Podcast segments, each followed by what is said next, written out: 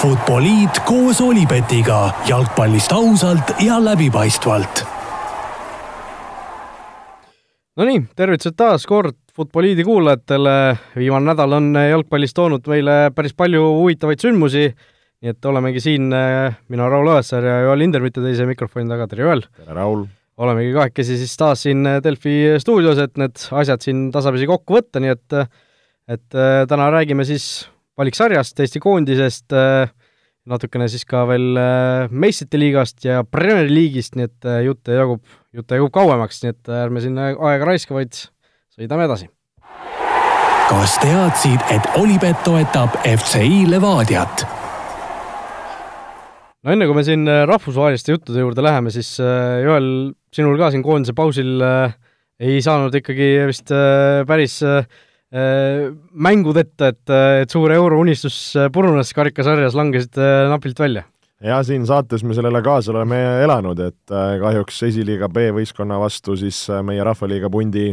karika unistus ja teekond langes, null-üks napp kaotus, olime tegelikult päris visalt, visalt mängus, aga ei saanud seda vajalikku väravat kätte, et tõesti, meel on must ja ja hing valutab, aga, aga see on sport aga noh, äh, meil ei ole must kindlasti FC Flora toetajatel, äh, sellepärast et siin juba pühapäeval, eks ju, äh, on suur noh, tiitlimänguks on seda tituleeritud siin Nõmme Kalju FC Flora, kui Flora võidab, on ta Eesti meister, nii et kõik on täiesti teie enda kätes. isegi vist on mingisugune variant, et kui Levadia laupäeval peaks Kuressaarele kaotama, siis on ju isegi millestki muust siis, siis võib nii olla, aga jah, et eks tuleb oma, oma asjadele keskenduda ja ja tõepoolest äh, väga suur võimalus on, on meile praegu siia kätte mängitud ja oleks, oleks üsna magus ja hea tunne seal Hiiul see mm, karikas ära võtta, et äh, kes, kes tahab Eesti jalgpalli nautida ja ägedat mängu, siis kutsun kindlasti kõiki, kõiki staadionile kaasa elama oma siis, oma lemmikutele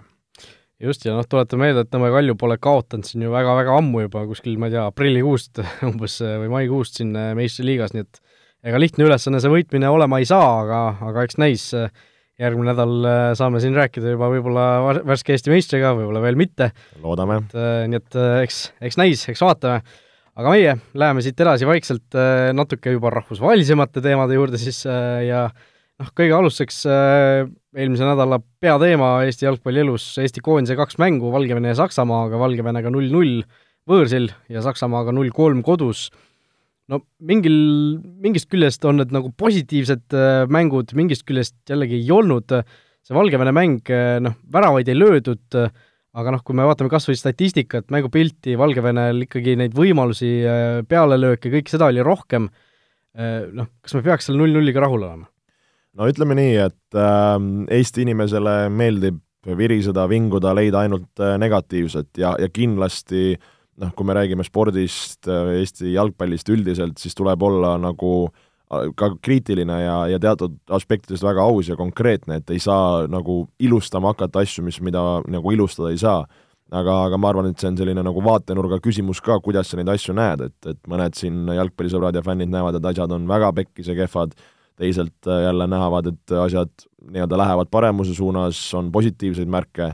et äh, mina isiklikult äh, nende kahe mängu põhjal äh, noh, kui me räägime tulemusest, siis, siis noh, on selle koha pealt võib-olla ei saa rahul olla. aga, aga kui, kui mõelda selle mängupiltide ja, ja kogu selle nii-öelda selle tausta peale, siis, siis ma ütlen, et pigem, pigem nagu okei okay et, et just Valgevene mäng võõrsil, noh, oli see ju, räägiti sellest sellisest väiksest pingest või murest, et pea kohal, et see punkt kätte saada, need väravad, asjad, ja, ja võõrsil mängida ei ole kunagi kerge ja seal oli ka näha, et see, see väljak ja, ja tempo, nii palju kui ma sain ka mängijatega rääkida, siis noh, ka ütlesid, et see väljak oli väga-väga keeruline ja väga raske. et seal üheksakümmend minutit üles-alla joosta, nagu see mäng seal oli, suhteliselt suure tempoga, et, et see ei ole kuidagi lihtne. ja ja noh, muidugi selle mängu puhul oleks tahtnud äh, võib-olla rohkem, rohkem võimalusi just meie, et me oleksime ise suutnud luua ja, ja, ja väravaid lüüa. aga, aga saada sealt see, ka see viik kätte, see punkt kirja äh,, hoida taga null, isegi kui seal oli mingites olukordades õnne või, või Leppmets tassis, et see on ka tähtis, ma leian, ja ja, ja mingid nii-öelda positiivsed äh, noodid sellest mängust, kuidas äh, Vladislav Greida seal mängis väga sümpaatselt ja, ja oli ka muid mängijaid, kes noh, aga nagu ütlesin, Leppmets, kes, kes korralikult tassis. et sealt ma arvan, jälle neid positiivseid noote oli, mingid mängijad said oma võimaluse, oma, oma kogemused seal, et äh, et need on nagu mõtted nii-öelda Valgevene mängu kohta just, et äh, noh, kui ma võtan siin ette kas või need äh, punktid, millest me eelmine saade rääkisime, et mida me tahaksime näha, siis noh, kiirelt nüüd läbi võtta, Kreida ja Igoneni tahaks, tahtsime näha, Kreidat nägime, Igoneni ei näinud, aga noh, Leppmees ikkagi tõestas oma taset jällegi. Noh, Kreida sai selle Valgevene mängu, seal kiideti teda ju väga, et see oli igati, igati okei okay., noh, olgu, Antonov oli ju tegelikult jällegi seal Saksamaa vastu oli, näitas oma klassi et äh, tuletas meelde, et ta on endiselt ikkagi Eesti koondise jaoks olemas ja ja väga hea mängija, kui teda õigesti kasutada äh,. Väravaid tahtsime mitmuses näha, seda ma ei näinud, selle juurde ma veel tahaksin tulla, aga positiivsus, julgus mängida, noh eriti Saksamaa vastu ja, ja noh, see revanši himu, see tõestamistahe on ju, mida me siin soovisime näha et see oli, see tundus mulle vähemalt, et oli küll, et ikkagi väga-väga taheti ja üritati, okei okay,, välja ei tulnud, rünnaku, rünnak jäi ikkagi selgelt nüriks, aga noh, seda juttu me oleme siin kaks-kolm aastat juba rääkinud, et koondise rünnak on selline nürivõitu ja sealt ei tule neid väravaid nii palju, kui võiks, et kui see, kui seal rünnakul oleks need mõned nürid olukorrad natuke teravamalt ära kasutatud, siis see Saksamaa mäng kas või oleks võinud ju hoopis teistmoodi minna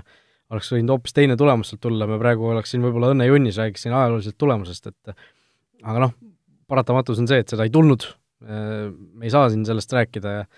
ja, ja noh, mida kõike veel ja, ja noh, et Ragnar Klavanist poleks puudust, seda ka ei, nagu ei olnud tunda, et oleks seal mingisugune,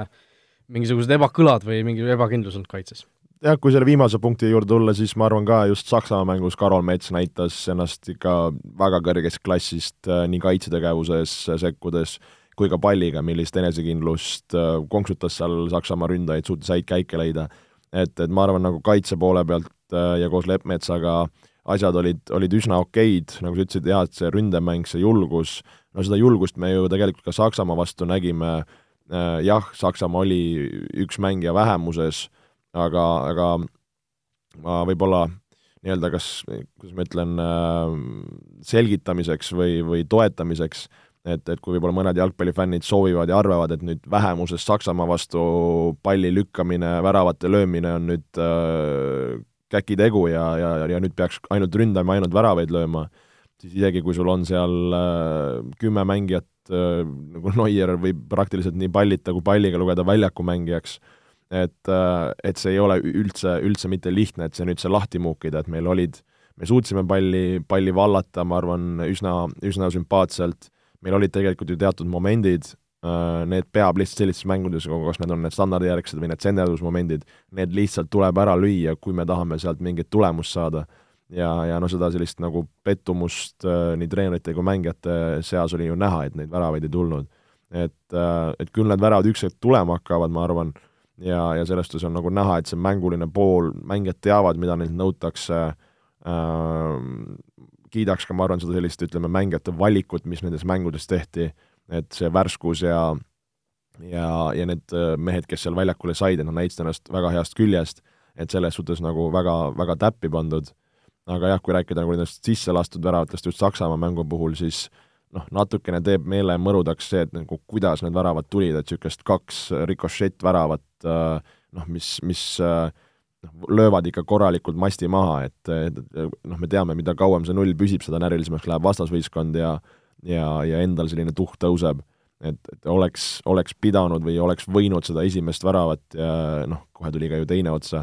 kauem, kauem saada, kuidagi hoida, et siis, siis oleks võib-olla läinud see mäng natukene teistmoodi, aga noh, siin ei, ei tasu rääkida nendest oleksitest ja asjadest väga kaua, et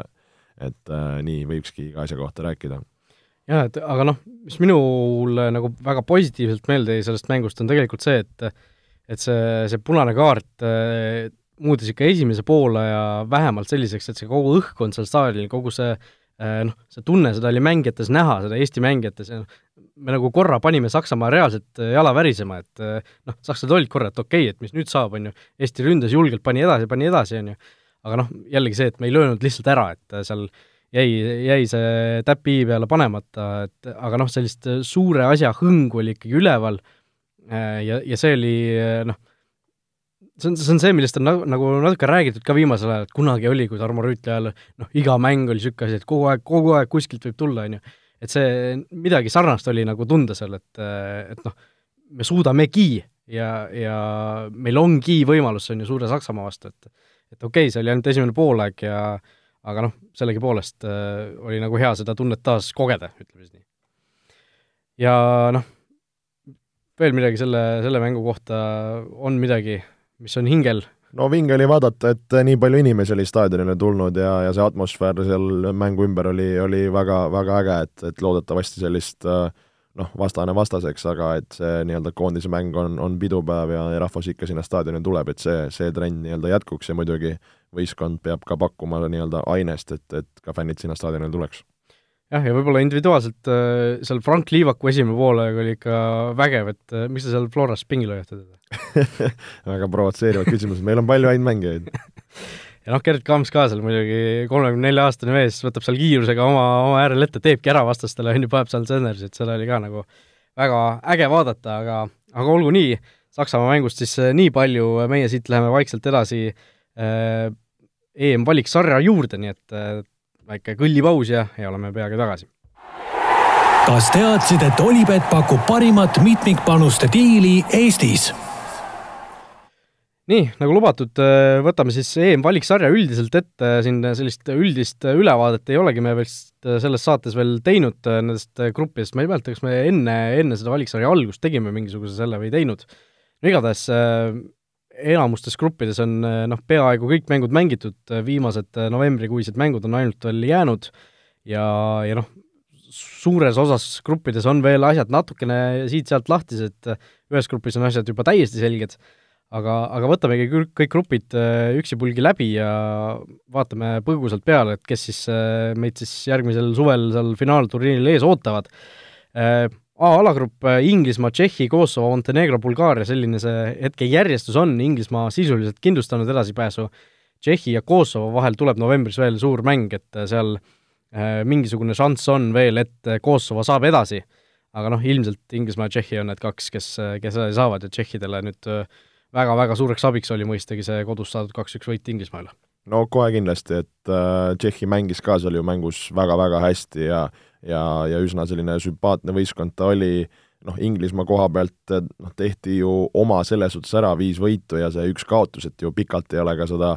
kas oli see kümme aastat või ei julge nüüd täpselt pead anda, et kaua Inglismaa ei olnud siis äh, valiksarjas punkte kaotanud äh, nii-öelda kaotusega. et, äh, et selle koha pealt väga nagu huvitav, huvitav olukord ja huvitav on näha, et Kosovo võistkond ikka noh, me teame, et seal, sealkandis osatakse jalgpalli mängida et nad on ikkagist nii kõrges äh, suures mängus ja, ja on siin hammustamas kohta finaalturniiri suunas. jah, et Kosovo noh, nad on väga suurte sammudega arenenud, äh, tuletan meelde, et nad on äh, siin rahvusvahelises jalgpallis ju ainult siin paar valiktsüklit olnud, et kas, kas äkki oligi eelmise, eelmise nii-öelda MM-valiktsükli algus nad üldse sinna rahvusvahelisse jalgpalli sisenesid, et äh, jah, täpselt nii oli. et äh, see noh, nende see areng on ikka olnud vägev ja, ja nüüd tõesti äh, võivad äh, jõuda siis EM-ile kas otse alagrupist või siis ka play-off'ist, nad D-liigas ju oma alagrupi võitsid ja ja praegu on neil play-off koht vähemalt kindlustatud, ehk äh, Kosovot äh, suhteliselt suure tõenäosusega isegi võime seal finaalturniiril näha, aga selle play-offide juurde veel tuleme, see süsteem on siin segadust tekitanud ja võib-olla natuke näitlikustame seda pärast, aga aga üks mäng sellest grupist pälvis selgelt kõige rohkem tähelepanu sellest viimasest, viimastest mängudest, viimasest mängude päevast siis, Bulgaaria, Inglismaa, Inglismaa võitis kuus-null tegelikult, aga aga rohkem, äh, kõvasti rohkem oli juttu sellest, mis toimus tribüünidel, mis toimus äh, Bulgaaria fännisektoris, äh, igasugused rassistlikud hüüded, mingisugused natsisaluudid, Hitleri noh, käemärgid, kõik jutud, on ju, et see, see oli ikka päris inetu. no ikka väga inetu, see, sellisel asjal ei, ei, ei saa tänapäeva ühiskonnas enam, enam kohta olla ja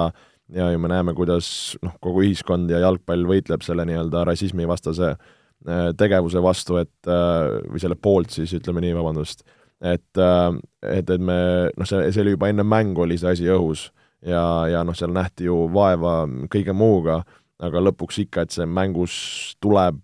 tuleb välja ja kõik, mis seal siis mängu ajal toimus või pärast mängu järgnes, et see noh, seda, seda oli lihtsalt kurb, kurb vaadata ja tõdeda, mis, mis nii-öelda ühes riigis võib, võib toimuda selle kontekstis. Jah, et okei okay,, need noh, selliseid idioote leidub noh, sisuliselt igas riigis, kes on võimelised niimoodi tegema, on ju, aga noh, see oli ilmselgelt, oli organiseeritud, seda, sellest oli varem räägitud, seal pärast on mingisugused saginad olnud, et see võis olla niisugune ettekavatsetud, koordineeritud mingisugune üritus, need äh, nii-öelda fašistid lahkusid sealt äh, staadionilt teisel poole, kas teise poole alguses äkki, millalgi seal üheskoos, teisel poole enam sellist asja ei, ei nähtud. Äh,, noh, kes, kes selle asjaga võib-olla kursis ei ole rohkem, siis äh, kaks korda pandi see mäng seisma esimesel poolel ja isegi selle UEFA protokolli järgi oleks Inglismaal olnud õigus äh, platsilt siis minema jalutada pärast seda teist äh, või noh, selle teise seismapaneku ajal, aga nad otsustasid, et kuna see oli ikkagi nii avapoole lõpus, siis nad pigem mängisid selle poole lõpuni ja lootsid, et et rohkem midagi ei tule, ei tulnud ka tegelikult äh, midagi erilist, aga noh, see kõik, kõige selle juures on kõige nagu märgilisem või kõige kõige rõvedam on olnud näha seda, kuidas bulgaarlased ise sellesse suhtuvad, et seal alates noh, koondise peatreenerist äh, kuni noh, mingite ajakirjanike välja, kuidas seal äh, inimesed eitavad lihtsalt, et midagi sellist üldse oli, et kuulge, kohtunik pani kaks korda selle mängu seisma, et mida, mida te nagu peidate pead liiva alla või õigustate seda, et see on täiesti nagu arusaamatu suhtumine ja noh, see Krasimir Balakov, see peatreener, need noh, mängujärgsed kommentaarid, kus ei, tema ei kuulnud midagi ja ei saanud midagi aru, et noh, see noh, lihtsalt võtab sõnatuks. Jah, meenutab niisugust äh, Eesti natukene teatud valitsusliikmete tegevust, et äh, ei ole mina midagi teinud ega kuulnud, aga, aga jah, seal oli mängu käigus mitu korda ka, videod liikusid seal Inglismaa meedias ringi, kuidas, kui seal need äh, ahvihäälitusi tehti, kuidas siis mängijad äh, väljaku ajal kohtuniku suunas, kas äh, nii-öelda tähelepanu juhtisid, et kas sa kuulsid seda, kas sa kuulsid seda, ja oli ka ju Bulgaaria kapten siis äh, kes, kes pool ajal läkski nende siis fännide juurde ja, ja seal üritas neid äh, mõistusele tuua ja, ja maha rahustada. ja, ja kui ma õigesti mäletan ka, et see Bulgaaria kapten pärast mängu ka võttis, võttis nii-öelda sõna sellel teemal väga nii-öelda julgelt ja, ja, ja pälvis ka teiste Inglise mängijate sellise heakskiidu et, äh, et selles suhtes noh, olid ka mõned nii-öelda head, head inimesed seal Bulgaaria poolel, aga jaa, tõesti seal pärast, kes, kes tahab veel sellesse asja süübida, siis oligi, nagu sa ütlesid ka, ajakirjanikud seal provo-, provotseerisid Southgate'i ja, ja vastupidi, et, et noh, see täiesti absurd. ja noh, see, selle kõige juures nagu tekib küsimus, et kuidas sellise asja eest üldse karistama peaks või mis see karistus olla võiks, et et noh, me siin on õhku visatud, et äh, neilt, ma ei tea, punkte ära võtta, mis oleks täiesti mõttetu karistus, nad on niikuinii praegu alagrupis viimased, räägitud äh, siin sellest, et noh, mingid rahatrahvid niikuinii, aga aga kuidas nad võiks, ma ei tea, üldse rahvusvahelisest jalgpallist mingiks ajaks eemaldada, mis ka, ma arvan, et ei annaks sellist efekti tegelikult, noh, ma ei tea võib-olla terve valik sari tühjade tribüünide ees mängida, midagi sellist, noh, seal midagi, mingisugused hoovad nagu võiks leida, mis, mis nagu reaalselt äh, mõjuks, eks ju, et ja just, mis reaalselt mõjuks, et ei oleks lihtsalt äh, tühi formaalsus või, või väike paarisaja eurone rahatrahv, et, et äh, Nad pidid ju sellesama mängu ka ju, pidid mingisuguse sektori pidid kinni panema staadionile, aga noh, ilmselgelt ei töötanud, eks ju. et see, see kõik on nagu UEFA-l nüüd päris korralik ports ees, et õnneks siin UEFA president ka, Jefferin äh, ütles, et see ikkagi sõda selle rassismi vastu äh, on käima pandud ja ja selle vastu äh, tegutsetakse rangelt, et et eks ole näha, Bulgaarial on tegelikult üks kodumäng veel ees selles valiktsüklis isegi Tšehhiga, nii et et vaatame, võib-olla juba selle, selle mängu peavad seal tühjade tribüünide ees pidama, mida iganes, et seal igatahes on seda huvitav jälgida, mis sellest olukorrast üldiselt saab. aga minnes edasi, valiksarja gruppide osas, B-grupis on siis äh, Äh, olukord selline, et Ukraina on äh, väga tugeva valiktsükli teinud, äh, juhib seda alagrupi väga kindlalt ja on selle grupi võidu juba isegi kindlustanud, Portugal ja Serbia võitlevad siis teise koha peale, Portugalil praegu üks punkt Serbiast rohkem ja noh, aga noh, Portugalil on veel jäänud järelmäng Leeduga ja mäng Luksemburgiga, samal ajal kui Serbial siis on Luksemburgiga ka mängida, aga on ka Ukrainaga mängida, nii et seal Portugalil ikkagi ilmselt, ilmselt saab edasi. Äh, aga noh, see Ukraina minek on kindlasti väike üllatus. no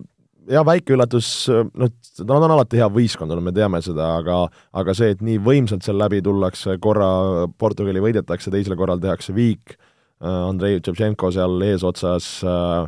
et et selles suhtes kiitus, kiitus neile, oli päris äge vaadata ka kuskil sotsiaalmeedias ringlesid videod Aleksandr Zinchenkost, Manchester City äärekaitsest, kes seal kuskil äh, stuudios äh, röökis, röökis kaamerasse ja ja juubeldas ja et see oli niisugune siiras emotsioon ja eks veidikene teatrit ka, aga, aga noh, see näitab, mis, mis, mis tähendab mängijate jaoks pääseda sinna EM-ile. et, et tuleb ja Ukrainat kiita ja noh, Portugal peab oma ära tegema, kui ei tehta, siis on ikkagist päris, päris hapu see seis nende jaoks. just nii, et see grupp, äh, meie enda grupp, noh, asjad ka suhteliselt selged, Saksamaa ja Holland, Holland ja Saksamaa mõlemad siis äh, viie võidu ja ühe kaotuse peal, Põhja-Iirimaa nüüd äh, andis eduseisu käest ära Hollandi vastu äh, ja, ja tõesti, neil siis on hetkel olukord selline, et, et peavad siis võitma Hollandit viimases voorus ja siis veel ka Saksamaad umbes, et mingisugune lootus veel püsiks, aga aga tõesti, see noh, Põhja-Iirimaa andis endast kõik, aga lihtsalt ei olnud seekord, tuleb välja, et ilmselt ei olnud piisav. no seda oli ju ette näha, et see küll, neil oli see mängude kalender oli üsna soodne ja, ja võis tekitada sellise hea, hea võimaluse, aga noh, nagu me oleme näinud ka selles valiksarjas, siis Hollandi-Saksamaa klass on lihtsalt äh, on peajagu üle nii meist kui, kui ka teistest Euroopa, Euroopa tiimidest, et äh, et ma arvan, see oli minu jaoks igati nii-öelda oodatav. Äh, just, D-grupp Eh, seal on, see on üks põnevamaid gruppe ehk praegu on siis olukord selline, et Põhja-Iiri-, või mitte Põhja-Iirimaa, vaid Iirimaa seda alagruppi hetkel juhib võrdsete punktide peal, nad Taaniga on ja Šveits vaid üks punkt neist tagapool, ehk siis kolm võistkonda kahe punkti sees, ja, ja seal tuleb ikka väga põnev november, sellepärast et kui Šveitsil on ees siis kohtumine Gibraltariga ja Taanil samamoodi Gibraltariga üks mäng ees, siis äh, Iirimaal on ainult üks mäng jäänud ja see ongi siis Taaniga kodus, ehk siis äh, kui nad selle võidavad, on nad edasi sisuliselt, ja kui nad selle kas või viiki mängivad või kaotavad, siis nad ilmselt on väljas. ehk siis praegu alagrupi liidrid, aga suure tõenäosusega nad EM-ile otse ei jõua. No Iirimaa selles suhtes tegi ka endale elu raskemaks, et just viimases mängus äh, Šveits kodus nad kaks-null võitis, oli ka seal äh,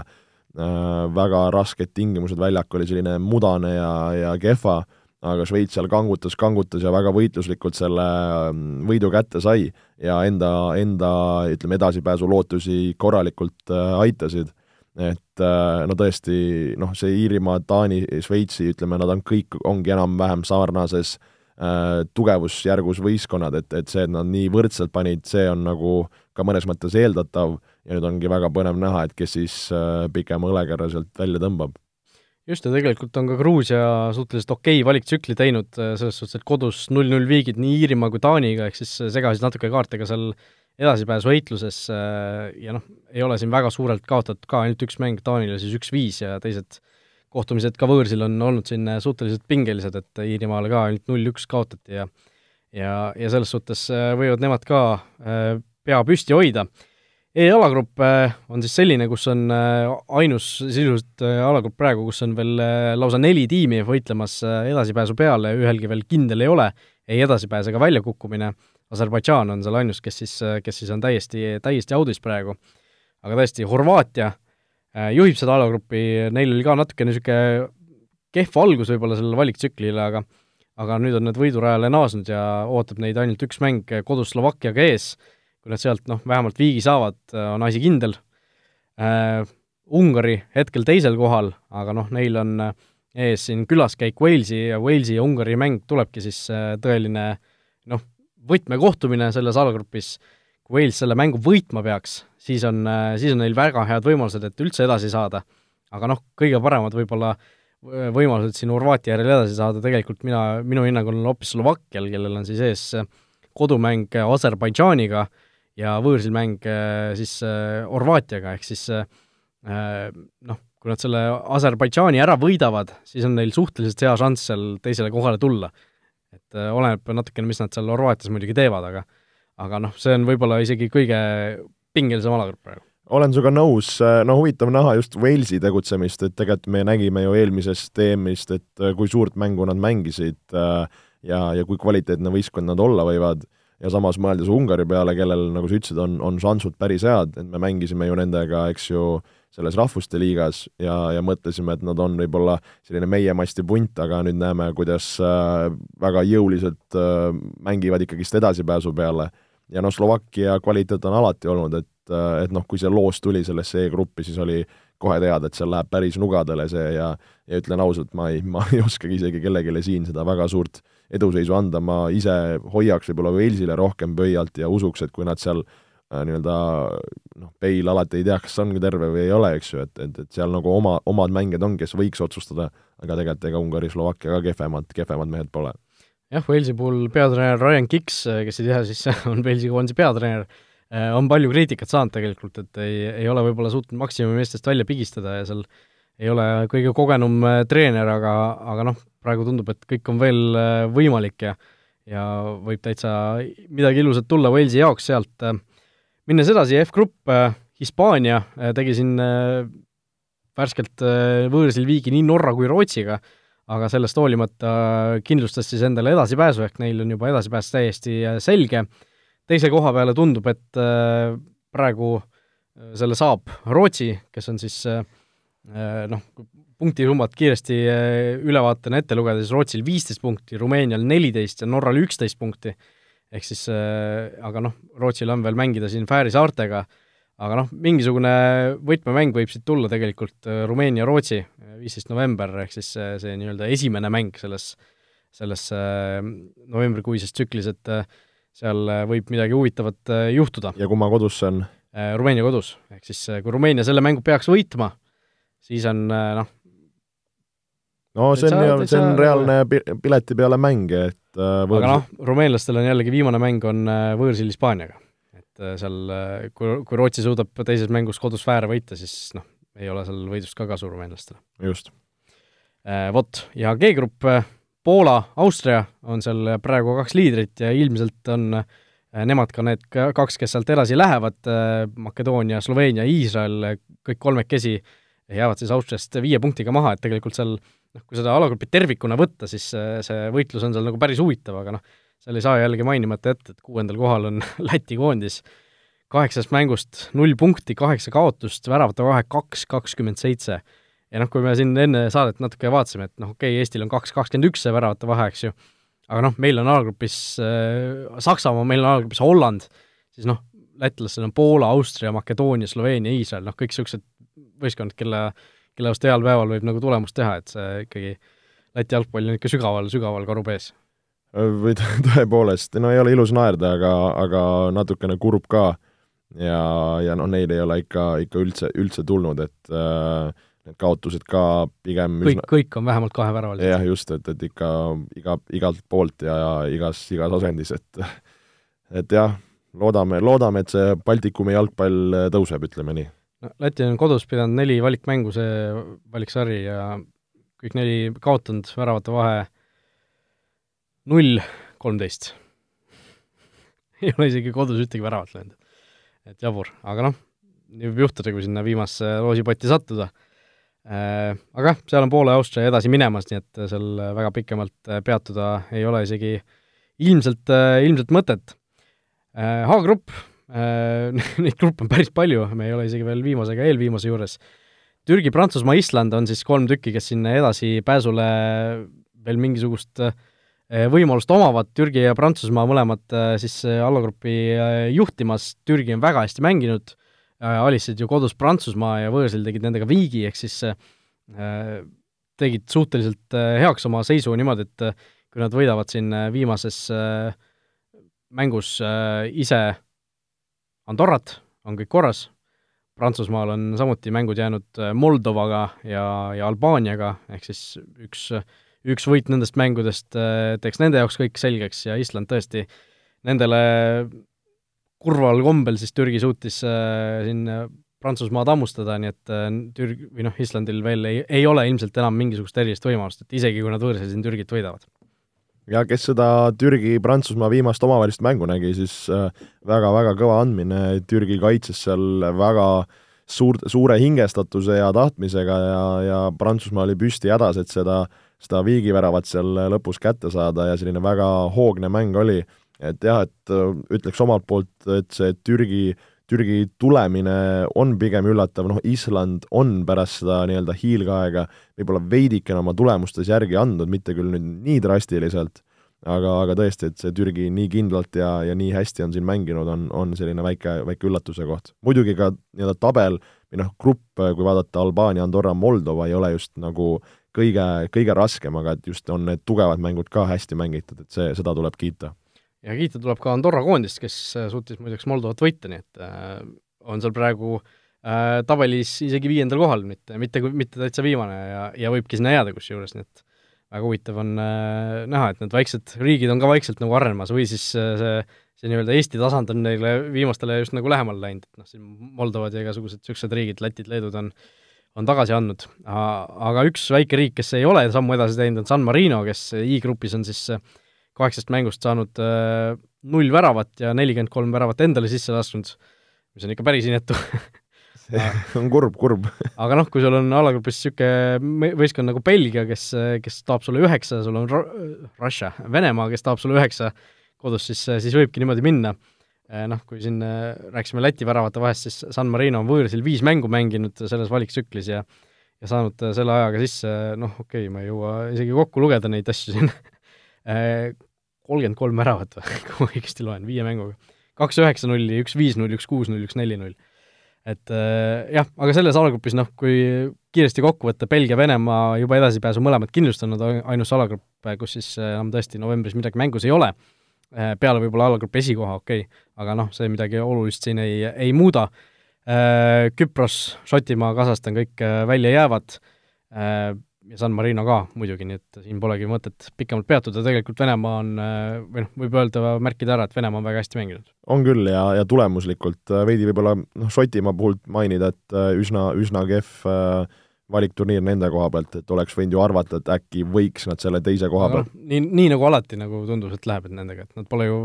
väga-väga ammu ju üle kahekümne jaa, just, et, et, et, et kuidagi ei suudeta, on neid individuaalseid mängijaid, kes siin Inglismaa liigas mängimas ja niimoodi, et see võiks ju arvata, et nagu oleks, oleks võistkonda ja, ja tulemust, aga, aga jah, ei suudeta just rahvuskoondise tasandil seda, seda mängu nii hästi käima saada, aga jah, tuleb, tuleb jah, Venemaad äh, kiita tubli, tubli valik, variksarja eest ja nüüd oleme jõudnud siis lõpuks selle viimase alagrupini, J-alagrupp, äh, tõesti palju neid äh, gruppe on, Itaalia ja Soome on seal siis kaks esimest praegu, Itaalia juba edasipääsu kindlustanud, kaheksast mängust kaheksa võitu ja Soome siis äh, nende järel edasi minemas. Ja saame seda öelda siis seetõttu, et Soome siin viimases mängus Armeenia kolm-null võitis, Arme-, või noh, alistas äh,, nägin ka seda mängu, Teemu Pukki kaks täiesti põhimõtteliselt identset väravat seal lõpus, otsustasid selle asja lõplikult ära, et esimene värav oli ka ikka päris äh, kummaline, niisugune mingisugune slatanlik natuke üle, üle pingi pea nurgalöögi olukorras tõstmine, et et noh, soom-, soomlaste üle on hea meel, kui nad siin Liechtensteini nüüd äh, järgmine mäng võidavad, siis on kõik selge. jaa, mis soomlastele seda head meelt tegi, oli see, et äh, Kreeka kodus suutis Bosniat võita ja, ja Soome ise Armeeniat siis võitis, et jah, Teemu Pukki kaks sellist peenet džipp-väravat üle väravai äh, olid ikka väga uhked ja, ja tõesti soomlaste üle äh, väga-väga hea meel, äh, et, et, et sellise võistkonnaga jõutakse EM-ile, see, kuidas praegu seal äh, noh, kogu riik on, on nende taga ja, ja ma usun, kui me oleme näinud siin, kuidas äh, Kossu EM-idel ja MM-idel need fännid sinna koha peale sõidavad ja möllu teevad, siis, siis kindlasti on seda oodata ka, ka EM-i puhul, et et jah, väga, väga äge, mida võib-olla välja tuua Itaalia puhul, kes ka siin alagrupis oli, et, et selles suhtes puhaste paberid, paberitega kaheksa võitu äh, noh, me oleme ju just viimasel näinud, et võib-olla Itaalia koondis ei ole olnud nüüd nagu nii hirmkõva, kui ta oli vanasti. no ei saanud ju MM-ile. jah, et, et, et, et on suudetud siin noh, ütleme üsna keerulises valiksarjas või keerulises grupis äh, võtta need võidud ära, et, et see näitab ka mingit klassi või siis ütleme, Itaalia koondise uut tulemist. Et, et, et põnev näha, mida, mida nemad võiksid siis seal EM-il hakata korda saatma. Just, nii et äh, jah, Armeenia on kolmandal kohal selles grupis, kui nemad poleks nüüd äh, suutnud siin, äh, kas nad Liechtensteini otsa koperdasid, et et oleks nad, nemad sellest mängust ka siin kolm punkti ära võtnud ühe punkti asemel, siis see oleks neil ka tegelikult olnud päris head võimalused sealt edasi pääseda, aga noh, Soome kohta tõesti, Soome varem pole ühelgi suur, suurturniiril osalenud või noh, sinna jõudnud, isegi Eesti on jõudnud ju lähemale, Eesti on jõudnud play-off'i, olgugi, et siin Soomel on olnud paar noh, tõelist napikat, umbes et äh, viimase minuti oma väravast siin äh, suudetakse ära käkkida igasugused MM-ile või EM-ile pääsemised ja asjad, et et neil on ikka olnud igasugust ebaõnne ja niisugust äh, lolle juhtumisi. kusjuures äh, täna just äh, rääkisime Floras äh, meie siis soomlasest äh, mängumehe Nurmelaga, kes äh, rääkis, et kas oli üheksakümmend kaheksa, oli vist jah, see, kui sa, kui, kui sa räägid sellest, mida ma mõtlen praegu. ja just, et äh, kas nad mängisid Ungariga viimast mängu, nad pidid selle mängu kas võitma või või viiki või ühesõnaga võitma pidid, sest nad juhtisid üks-null. just, just üks-null ja siis äh, viimasel reaalsel sekundil äh, tuleb nurgalöök kasti ja ta ütles, et me vaatasime seda videost ka, kas oli kuus Soome mängija puudet, ehk umbes kõigepealt tuli see pall kasti, keegi seal pikendas omale väravat, tõrjus vastu oma mängijat, pall jääb lahti, keegi puhastab ja siis lööb oma mängijast veel kuidagi sisse. põhimõtteliselt oma mängija üritas äh, joone pealt puhastada, lõi, lõi palli vastu väravai selga ja sealt põrkas väravas. noh, et kõige jaburam värav peaaegu, mis maailmas löödud on ja, ja sellega sa siis langed äh,, langed välja ja, ja ei pääse suurvõistlusele. Et äh,, et see on ikka väga-väga valus. aga noh, võib-olla kõige, kõike seda arvestades me ei tohiks veel nagu soomlastest liiga kõvasti rääkida, kui edasipääsejatest, sest noh, kui nad juba niisuguse asja suutsid ära teha, siis Liechtensteini kodumäng võib-olla seal tuleb ka midagi väga inetut. kunagi ei tea, aga loodame ikka positiivset Soome, Soome ja. kohta aga noh, kui nad Liechtensteini ei võida, siis on neil ka võõrsil mäng Kreekaga alles, nii et äh, kaks võimalust äh, siis võtta see, äkki isegi piisab neile, ei, ühest punktist kindlasti ei piisa, sest Bosniaga omavahelised mängud on neil miinuses, nii et äh, noh, aga noh, kõige kindlam on see Liechtensteini ära võtta ja siis, siis edasi vaadata, aga noh äh,, siin palju, palju kõneainet on tekitanud see, see, et kui nüüd see valiksari läbi saab, et mis siis edasi saab, et meil oli ju see Rahvuste Liiga play-off, kus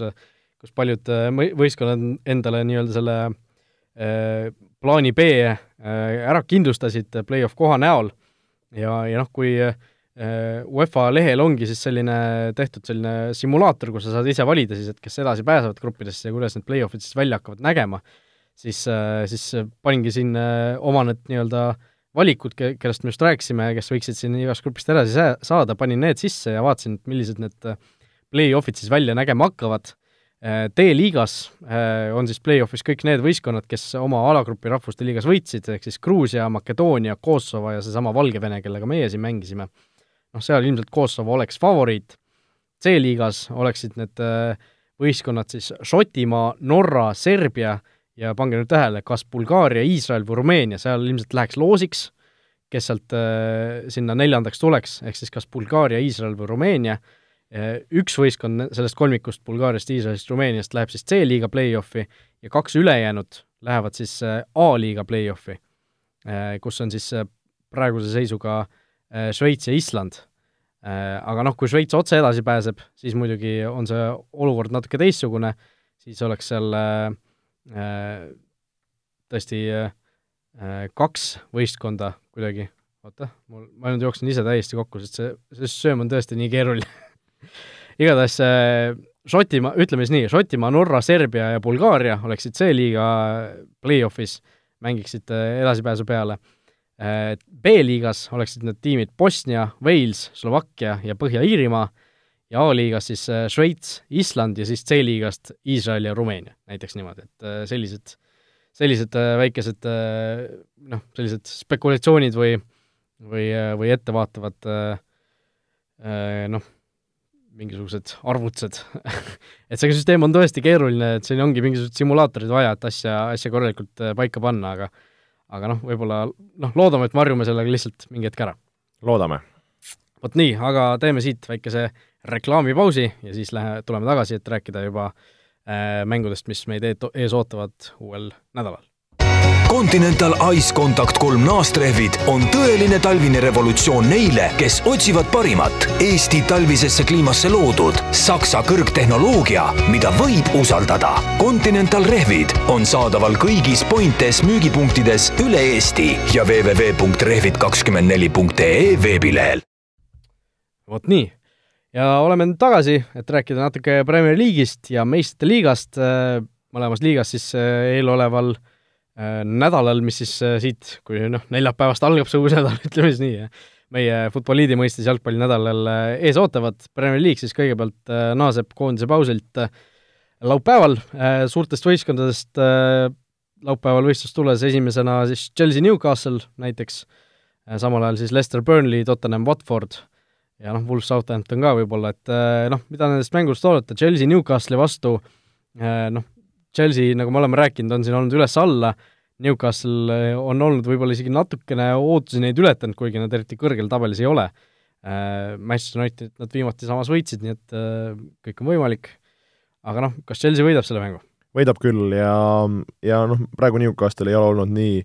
nii võimas, noh, pigem ikkagist natukene hapu ja mannetu, et Chelsea kodus ka, nagu me eelmine kord rääkisime ka, usun, et Chelsea saab siin nii-öelda järjest seda, seda mängu käima äh, mis võib-olla veel huvitav, nagu sa tõid välja, Tottenham, Watford, no Watford on, on täielikus agoonias praegu, nad, mida on ka veidikene Tottenham, et äh, huvitav näha, et nüüd on see koondise äh, aken siin vahel olnud, et kas Tottenham on veidikene saanud oma energiat koguda, natukene siin, ma ei tea, tunnetest rääkida ja, ja kuidagi oma seda voolu, voolu paremas, paremaks keera, keerata, et, et nende kohal, kohal kindlasti ka suur küsimärk, kuidas see mäng läheb ja, ja mis neist saab aga, aga võib-olla mis veel äh, välja tuua laupäeval, Everton, West Ham, kui me siin äh, rääkisime hooaja alguses, et nemad võiksid seda, ütleme, kuus kuni kümme kohta kindlasti täita, et Evertonil ka oleks, oleks aeg äh, hakata siin tulemusi tegema ja kodus West Ham ära võtta, oleks selleks kindlasti hea algus. jah, et äh, siin äh, need asjad on, on selliselt äh, kujunenud, et, et tõesti Tottenhamil äh, noh, paberi peal põhimõtteliselt kõige lihtsam hooaeg või kõige lihtsam mäng hooaja jooksul, et kodus tabeli viimasega, et aga noh, kui nad seda ka ei võida, siis, siis see tõesti, see, mis seal klubis toimub, võib ikka päris koomilised mõõtmed võtta, et et tõesti noh, me oleme rääkinud ka siin Pochettino see väidetavalt äh, vallandamise korral see summa, mis talle maksma peaks, oleks nagu nii suur, et võib-olla äh, Spurs ei taha seda teha nii lihtsalt, on ju, et aga noh, kui kui tõesti see asi nagu nii kiiv hakkab kiskuma, siis võib-olla ei ole, ei ole nagu muud võimalust, et peab lihtsalt selle väljamineku tegema. No eks, eks ole näha, aga, aga tahaks nagu uskuda, et Tottenham suudab seal Watfordist üle olla, aga, aga jah, kui tõesti seal võistkonnas on ikka midagi väga mäda, siis siis võib seal äh, ka raskeks minna. mis, mis veel sa välja tõid, Leicester, Burnley, noh Leicesterist me rääkisime, et nad on tublid olnud praegu neljandal kohal, tegelikult vaadates tabelisse seitsmendalt kohalt äh, leiame Burnley, kes on ainult kaks punkti siis Leicesterist taga, et, et ma arvan, nagu mõlema võistkonna jaoks, kui vaadata tabelisse ja hetkeseisu, et väga-väga suur mäng Leicester küll kodus, mis, mis peaks nende kasuks rääkima, aga, aga ma arvan, selline väga-väga vihane ja, ja hea andmine võib, võib seal selles mängus meid ees oodata. nojah, Burnley'st äh, rääkides, Burnley on küll, nagu sa ütlesid, tabelis seitsmendal kohal, aga mulle tundub, et natuke see nende tabelikoht võib olla ka nagu petlik, sellepärast et nad oma punktid on saanud eelkõige ikkagi kätte tabeli teise poole tiimide vastu, et äh, et noh, siin kas või viimast nelja mängu vaadata, võit Evertoni üle, noh, teise poole tiim, eks ju, Äh, viik Aston Villaga, võit Norwichi üle, viik Brightoniga ja noh, kaotused on siin üks-kaks Arsenalile, null-kolm Liverpoolile, et noh, Woolsiga on ka siin viik tehtud, et ma arvan, et Leicester on ikkagi suhteliselt selge soosik selles mängus, et Burnit ei saa küll alahinnata, kuna noh, võidu korral nad võiks isegi Leicesterist mööda minna, aga aga pigem ikkagi äh, Burnley'le on, ma arvan, see graafik praegu hästi sobinud, jaa, selle koha pealt olen sinuga nõus, et äh, noh, kui üldse sinna tabelisse vaadata, et seal võivad olla need kohad või, või punktid petlikud just nimelt selle graafiku puhul, et kellel on olnud väga head ja ja kerged mängud ja kellel vastupidi, et et ma arvan jah, et võib-olla see Burley minek on veidikene eksitav, aga me teame tegelikult, et Burley on ka niisugune üsna visa ja sitke sats, et et noh, praegu Lesteri hoogu arvestades võiks, võiks eeldada, et sealt äh, Lester selle võidu kätte saab ja ja sinna mm, esineliku kohta üha rohkem nii-öelda kindlustab. ja noh, laupäeva õhtul lõpetab Crystal Palace ja Manchester City kohtumine, Palace on lausa kuuendal kohal siis, aga noh, võib-olla ka nendest petlikest tabelikohtadest natuke rääkides, et ega nemadki oma võidud üldiselt on saanud äh, kätte äh, selliste võistkondade üle, kes äh, kes seal tabelis on ikkagi pigem tagumise otsa satsid. no okei okay,, West Hami võideti viimases mängus, aga aga noh, üldjoontes peab ikkagi see vist paika. seda küll, no Palace'i puhul huvitav vaadata kodus äh, City, noh, Roy Hodgson äh, on treener, kes oskab seal äh, heas mõttes bussi parkida Palace'iga ja, ja neid kraane kinni keerata äh,, Äh, ja, ja noh, City koha pealt ma arvan, ka neil väga oluline nüüd pärast seda koondise pausi kohe, kui nad tahavad ikkagi seda gaasi põhjas hoida ja Liverpoolil kuklasse hingata, siis, siis on neil vaja, ma arvan, Palace'ist üle sõita ja, ja noh, sellist ütleme, jõudemonstratsiooni siis, siis näidata. Aga, aga no võib-olla Cityl tuleks ka seda jõudemonstratsiooni nagu mitmete mängude peale ära jagada, et mitte ühes mängus oma kaheksa tükki ära paugutada ja siis paari mängu pärast jälle nagu kuskil äh, muna suus olla seda küll, kuigi mul on tunne, et Palace võib Cityle selles mängus kodus just veidikene peavalu valmistada, kui kaua seda suudetakse teha, ma ei julge praegu siin pead panti panna, aga aga vaatame, et kas, kas võib seal midagi õhus olla. Kas see oli äkki üle-eelmine hooaeg, kui äh, City mingisuguse ilgelt pika võiduseeria pärast lõpetas seal jõulude paiku millalgi, et midagi sellist nagu koidaks, koidaks meeles, et, et võib-olla jah, seal ajalugu mõnes mõttes kordub, aga, aga no ma arvan küll, et City siin ikkagi tuleb jällegi võimsalt välja ja ei võida küll nii suurelt, nagu nad Watfordi siin kaheksa, kaheksaga tümitsid, aga noh, niisugune rahulik kolmeväravaline võit näiteks võiks, võiks õhus olla, aga noh, Palace kodus on jällegi olnud noh, selline, et noh, väga nagu ei kaota, aga noh, eks näis. viimati mängiti kusjuures äh, omavahel just aprillikuus äh, just Palace'i kodus ja siis kolm-üks City võitsid, midagi sellist äkki ilmselt võiks ka seekord äh, näha olla. aga noh, põhimäng, vooru põhimäng tuleb ikkagi pühapäeval, Manchester United, Liverpool, noh, sellest on räägitud ka juba, Unitedil on siin ju mitmed mehed väljas, Pogba, De Gea on siin räägitud nendest, et ja me oleme sellest mängust ka juba varem rääkinud, et no ei ole midagi nagu ilusat vaadata siin Unitedi mätta otsast, ütleme. no suur-suur mäng, eks ju suur,, suur-suur mäng äh, kahe kõige edukama siis Inglismaa klubi vahel, äh, mille, mille aura on, eks ju, ju tegelikult aastaid väga, väga kõva olnud ja, ja need mängijad ja, ja fännid neid, seda, seda mängu ootavad. kas ta on nüüd äh, nii glamuurne ja nii kas siis intrigeeriv või, või milliseid omadussõnasid siin nüüd kasutada, sellel aastal no oleme ausad, ei, ei ole. ei ole just selle Unitedi seisukohalt äh,, küll aga noh, kui mõelda, et, et United mängib kodus Liverpooli vastu, noh, see, mis, mis seisu pealt nad tulevad, seda me oleme siin pikalt lahanud ja, ja naernud ja nutnud selle üle, aga, aga ma tahaks nii-öelda loota või, või arvata, et Unitedi-sugusele klubile, mängijatele, kui nad mängivad Liverpooli vastu ja nad mängivad Old Traffordil, siis isegi kui neil ei lähe praegu need asjad võib-olla nii hästi või asjad ei tule nii hästi välja, siis, siis ma usun, et vähemalt kodus nad nii-öelda võitlevad ja, ja, ja teevad selle Liverpooli elu võimalikult raskeks. Nüüd on küsimus lihtsalt see, et kui, kui United proovib seda Liverpooli elu raskeks teha, et kas see on piisav, et takistada siis seda Liverpooli mängumootorit ja Liverpooli võistkonda. et see on see küsimus no viimase kümne aasta jooksul United on ühe korra Liverpooli kodus kaotanud, see oli kaks tuhat neliteist, Äh, toona lõi siis Steven Gerrard äh, kaks väravat ja Luis Suarez ühe värava, kolm-null Liverpool võitis kusjuures võõrsil. noh, mõned mehed, kes siin algkoosseisus olis, olid äh, tol ajal, Raheem Sterling, Luis Suarez, Daniel Sturridge moodustasid Liverpooli ründeliini keskväljal, Henderson, Gerrard, Joe Allen, kaitseliinis seal Flanagan Šoti Pirlo Walesi, Walesi. või vabandust, jah, Walesi, minu paha. John Flanagan, Martin Škrtel, Daniel Ager, Glen Johnson, Mignolet oli väravas noh, Unitedil De Gea väravas, siin Rafael oli äärekaitses,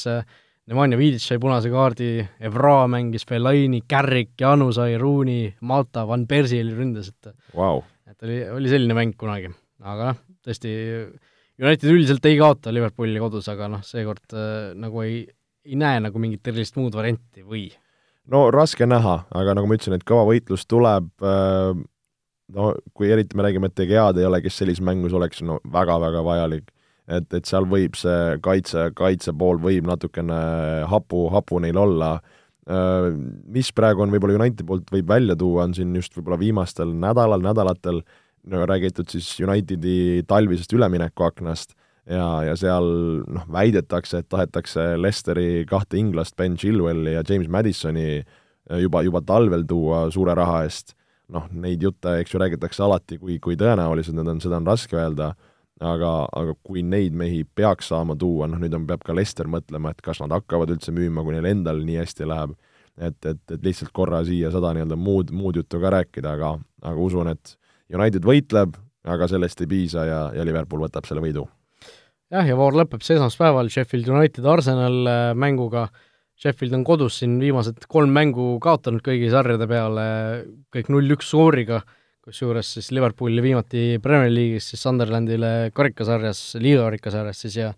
ja Southamptonile liigas, et äh, ei ole kõige parema kodu, koduvormiga just, aga noh, Arsenali jaoks samas äh, võõrsil mäng äh, tundub, et ei ole viimasel ajal nagu eriline probleem olnud, et nad on suutnud mingisugused tulemused seal võõrsil ka ära saada, kas või Unitedi käest see üks-üks viik, et et noh, võiks ju Arsenali võitu oodata, aga noh, Sheffield on niisugune salakaval tiim Nad on väga, väga vingelt pannud ja, ja nagu ma ütlesin ka, kui me ükskord rääkisime seal, seal Liverpooli vastu,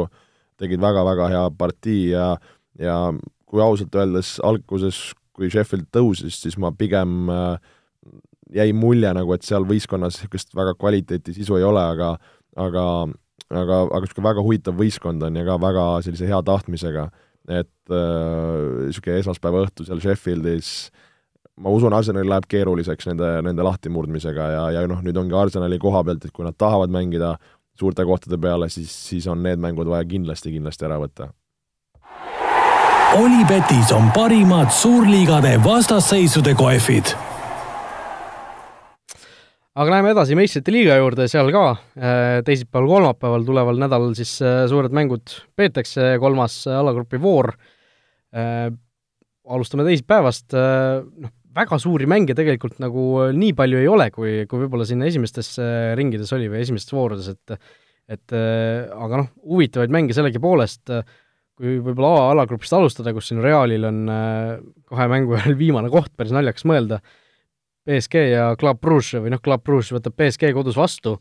äh, noh, BSG-le sealt mängust võit oleks juba põhimõtteliselt vaata et edasipääsu garanteerimine, on ju, aga noh, see Club Brugge on ka ikkagi väga niisugune kaval tiim, et noh, me nägime seda, või noh, Real sai seda väga hästi tunda. no seal on, seal on mingid niisugused individuaalsed huvitavad mängijad, kes võivad äh, väga valusalt karistada kodus mängides BSG vastu äh, noh, BSG jälle peab näitama oma, oma nii-öelda klassi, noh, seal jälle Neimar, eks ju, vigastusega hädas ja, ja kõik see, aga, aga kindlasti niisugune omamoodi huvitav vastasseis tulemas ja noh, Reali puhul, kui rääkida sellest grupist, siis Galatasaray võõrsil, no on, on keeruline mäng ja, ja no Reali puhul tõesti tõehetk, et kui nad seda mängu ka noh, peaksid, ma ei tea, kaotama, noh siis see, läheks juba päris raske, see raskeks edasipääsu peale võitlemine, et et võib, või noh, võib, võib täiesti reaalne olla, et siin äh, tuleb korralikult äh, higi lahti saada, et et siin üldse alagruppist edasi pääseda, mida Real ju on siin, ma ei tea, mitukümmend aastat järjest suutnud, eks ju. Äh, B-alagrupis teisipäeval noh, väga huvitavaid mänge pole, võib-olla siin välja tuua. Tottenham versus Zvezda Zvezda, Tottenhami jaoks ka noh, tõehetk, samamoodi nagu Reali puhul, Tottenhamil kahest mängust üks punkt ainult kirjas, see kaks-seitse kaotust Bayernile väga värskelt meeles ja kodus nüüd äh, serblaste vastu peavad siis äh, esimese võidu kätte saama, et äh, Svena Svesta ka siin suutis ju viimases voorus seda Pireuse olümpiaakost võita ja praegu siis alagruppis teist kohta hoidmas, nii et Tottenhamil järjekordne tõe, et kui me siin Premier League'is rääkisime sellest Watfordi mängust, siis siin tuleb, siin tuleb ka võit ära võtta. kindlasti, kindlasti. C-grupis eh, noh, sisuliselt teise koha mäng, Donetski Šatar ja Zagrebi Dinamo mängima hakkavad, Atalanta sõidab siis külla Manchester City'le, Atalanta tõesti suure pettumuse äh,, suur pettumus on olnud sel hooajal meistrite liigas, kahest mängust kaks suhteliselt kindlat kaotust siis nii Dinamole kui Donetski Šatarile äh,. Noh, Zagrebi Dinamo, Donetski Šatar, mingisuguseid mõtteid selle mängu kohta? no see otsustab selle, kes läheb teisena neilt suure tõenäosusega sellest alagrupist edasi, noh, nende mängude puhul, kui me räägime Šahtarist ja Dinamost, siis ma arvan, eelise võib anda koduvõistkonnale, aga, aga eks see paneb natuke sellised selle grupi siis ütleme, selle teise koha jõujooned paika, et kellelegi praegu anda siin eelist ma ei julge.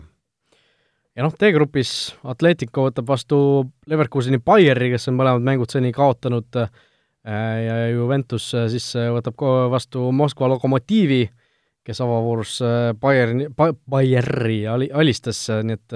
seal noh, Juventus ja Atletico on, on edasipääsusoosikud ja noh, mõlemad peaksid selle, selle mängu võitma, et seal, seal kui seal keegi libastub, läheb põnevaks, aga kui ei libastu, siis on seal alagrupis suht-, suhteliselt selged asjad. Minnes edasi kolmapäeva juurde, noh see grupp, mis ei olnud sulmagrupp, aga, aga äkki võib selleks osutuda, seal väga huvitav vaadata, mis saab Salzburgi ja Napoli mängust, Salzburg äh, teame, et on äh, seda hooaega ju väga huvitavalt alustanud, väravate rohkelt, kuus-kaks ja kaot-, või kuus-kaks võit ja kolm-neli kaotust, siis on neil kahest mängust all, kahe mängu järel väravate vahe üheksa-kuus. Aga, aga noh, me nägime Liverpooli vastu, et nad on suutelised isegi võõrsil suurtele vastu saama, nad on nüüd kodus äh, Napoli vastu. Kui nad tahavad reaalselt edasi pääseda, siis see mäng tuleks isegi võita. no kas võita kindlasti selle koha pealt, aga aga no viigipunkt oleks ka juba asi, aga aga tõesti, niisugune ma arvan ka väga äge mäng sealt tuleb, kui mõlemad võistkonnad on sellised, kes tahavad rünnata ja on väga resultatiivsed, et suure tõenäosusega seal niisugust trillerit võiks näha, aga, aga jah, põnev just, just Salzburgile ka oma, oma, nii-öelda omamoodi kaasa elada. Just nii, ja nüüd siis päris surmagrupp Dortmund, Barcelona, Inter ja Praha Slavia, seal kohtub siis see, selle nädala suures mängus Inter Dortmundiga kodus, Interil on siis ainult üks punkt kirjas kahest mängust ja seegi punkt tuli ju kodus Praha Slavia vastu, nii et neilgi on kindlasti vaja see mäng võita, et, et edasipääsu lootusi elus hoida. Samal ajal siis Barca sõidab külla Praha Slaviale, ehk siis saame näha, mida see Praha Slavia seekord, seekord suudab, et et ta ei ole tegelikult üldse halvasti mänginud, kodus ju Dortmundi vastu seda mängu sisuliselt domineeriti, lõpuks saadi ikkagi null-kaks kaotuse, aga noh, me siin rääkisime ka, et tegelikult see mängupilt oli nagu hoopis teistsugune, et et Barcelonal võib siin ka võib-olla ootamatult raske tööpäev tulla. No vaatame seda, võib-olla just selle, selle alagrupi puhul tooks välja selle Interi Dortmundi mängu, et äh, noh, Inter no üliülioluline, kodus, kodus Dortmundi vastu, kui nad tahavad mängida alagrupist edasisaamise peale, siis siin on noh, kindlal, kindel must win ja ei mitte midagi muud. jah, G-grupp väga ühtlane, seniit äh, läheb äh, külla äh, RB Leipzigile ja siis äh, Lyon sõidab külla Benficale, hetkeseis siis äh, niimoodi, et seniidil, Lyonil ja äh, seniidil ja Lyonil neli punkti, Leipzigil kolm ja Benfical null, ehk siis Benfica jaoks väga oluline kohtumine kodus Lyon ära võtta ja, ja noh, Leipzig ja seniit panevad ka seal mingisuguseid jõujooni paika ja H, H-alagrupis ka tegelikult väga huvitav kohtumine tulemas, Ajax versus Chelsea. no see on põnev just, et Chelsea kontekstis nüüd noh, ütleme äh, sellise ka tugeva võistkonna vastu, kui noh, Ajax on üsna noor võistkond ja Chelsea sellel aastal, et selline võiks öelda noorte ja vihaste duell ja, ja kindlasti ma arvan, mänguliselt väga, väga nauditav mäng. jah, ja teises mängus siis äh, Lill ja Valencia läheb seal, lähevad seal omavahel vastamisi, et Valencia ju avauurus Chelsea't võitis, aga seejärel sai sai äh, kodus Ajaxilt null-kolm kaotuse, et äh, väga üles-alla nad on käinud siin sel hooajal ja eks, eks näis, kui nad suudavad Lilli ära võita, siis, siis on neil edasipääsuga, võivad isegi päris ilusasti olla lood, aga aga, aga praeguse seisuga nad äh, vähemalt mingites tabelites on nagu Chelsea'st tahapoole asetatud, kuigi nad omavahelise mängu võitsid, et eks, eks näis, mis seal saama hakkab, igatahes jalgpallijutud olid täna sellised? täna olid jah, sellised pikad ja, ja põhjalikud ja, ja noh, nagu rääkisime, nii Premier League'is, Eesti liigas ja, ja meistriliigas väga palju vingeid matše on tulemas, nii et hoidke silmad-kõrvad lahti ja, ja kõike, kõike paremat teile! jah, ja Eesti liigas siis, mis kell pühapäeval mäng on? kell kolm Hiiu Kunstmuru staadionil. vot nii, nii et teate, kuhu, kuhu minna, kuhu tulla. Nii et aitäh, et olite meiega ja oleme siis tagasi juba järgmisel nädalal. olge mõnusad! vutiviikendi parimad kohvid leiad Olipetist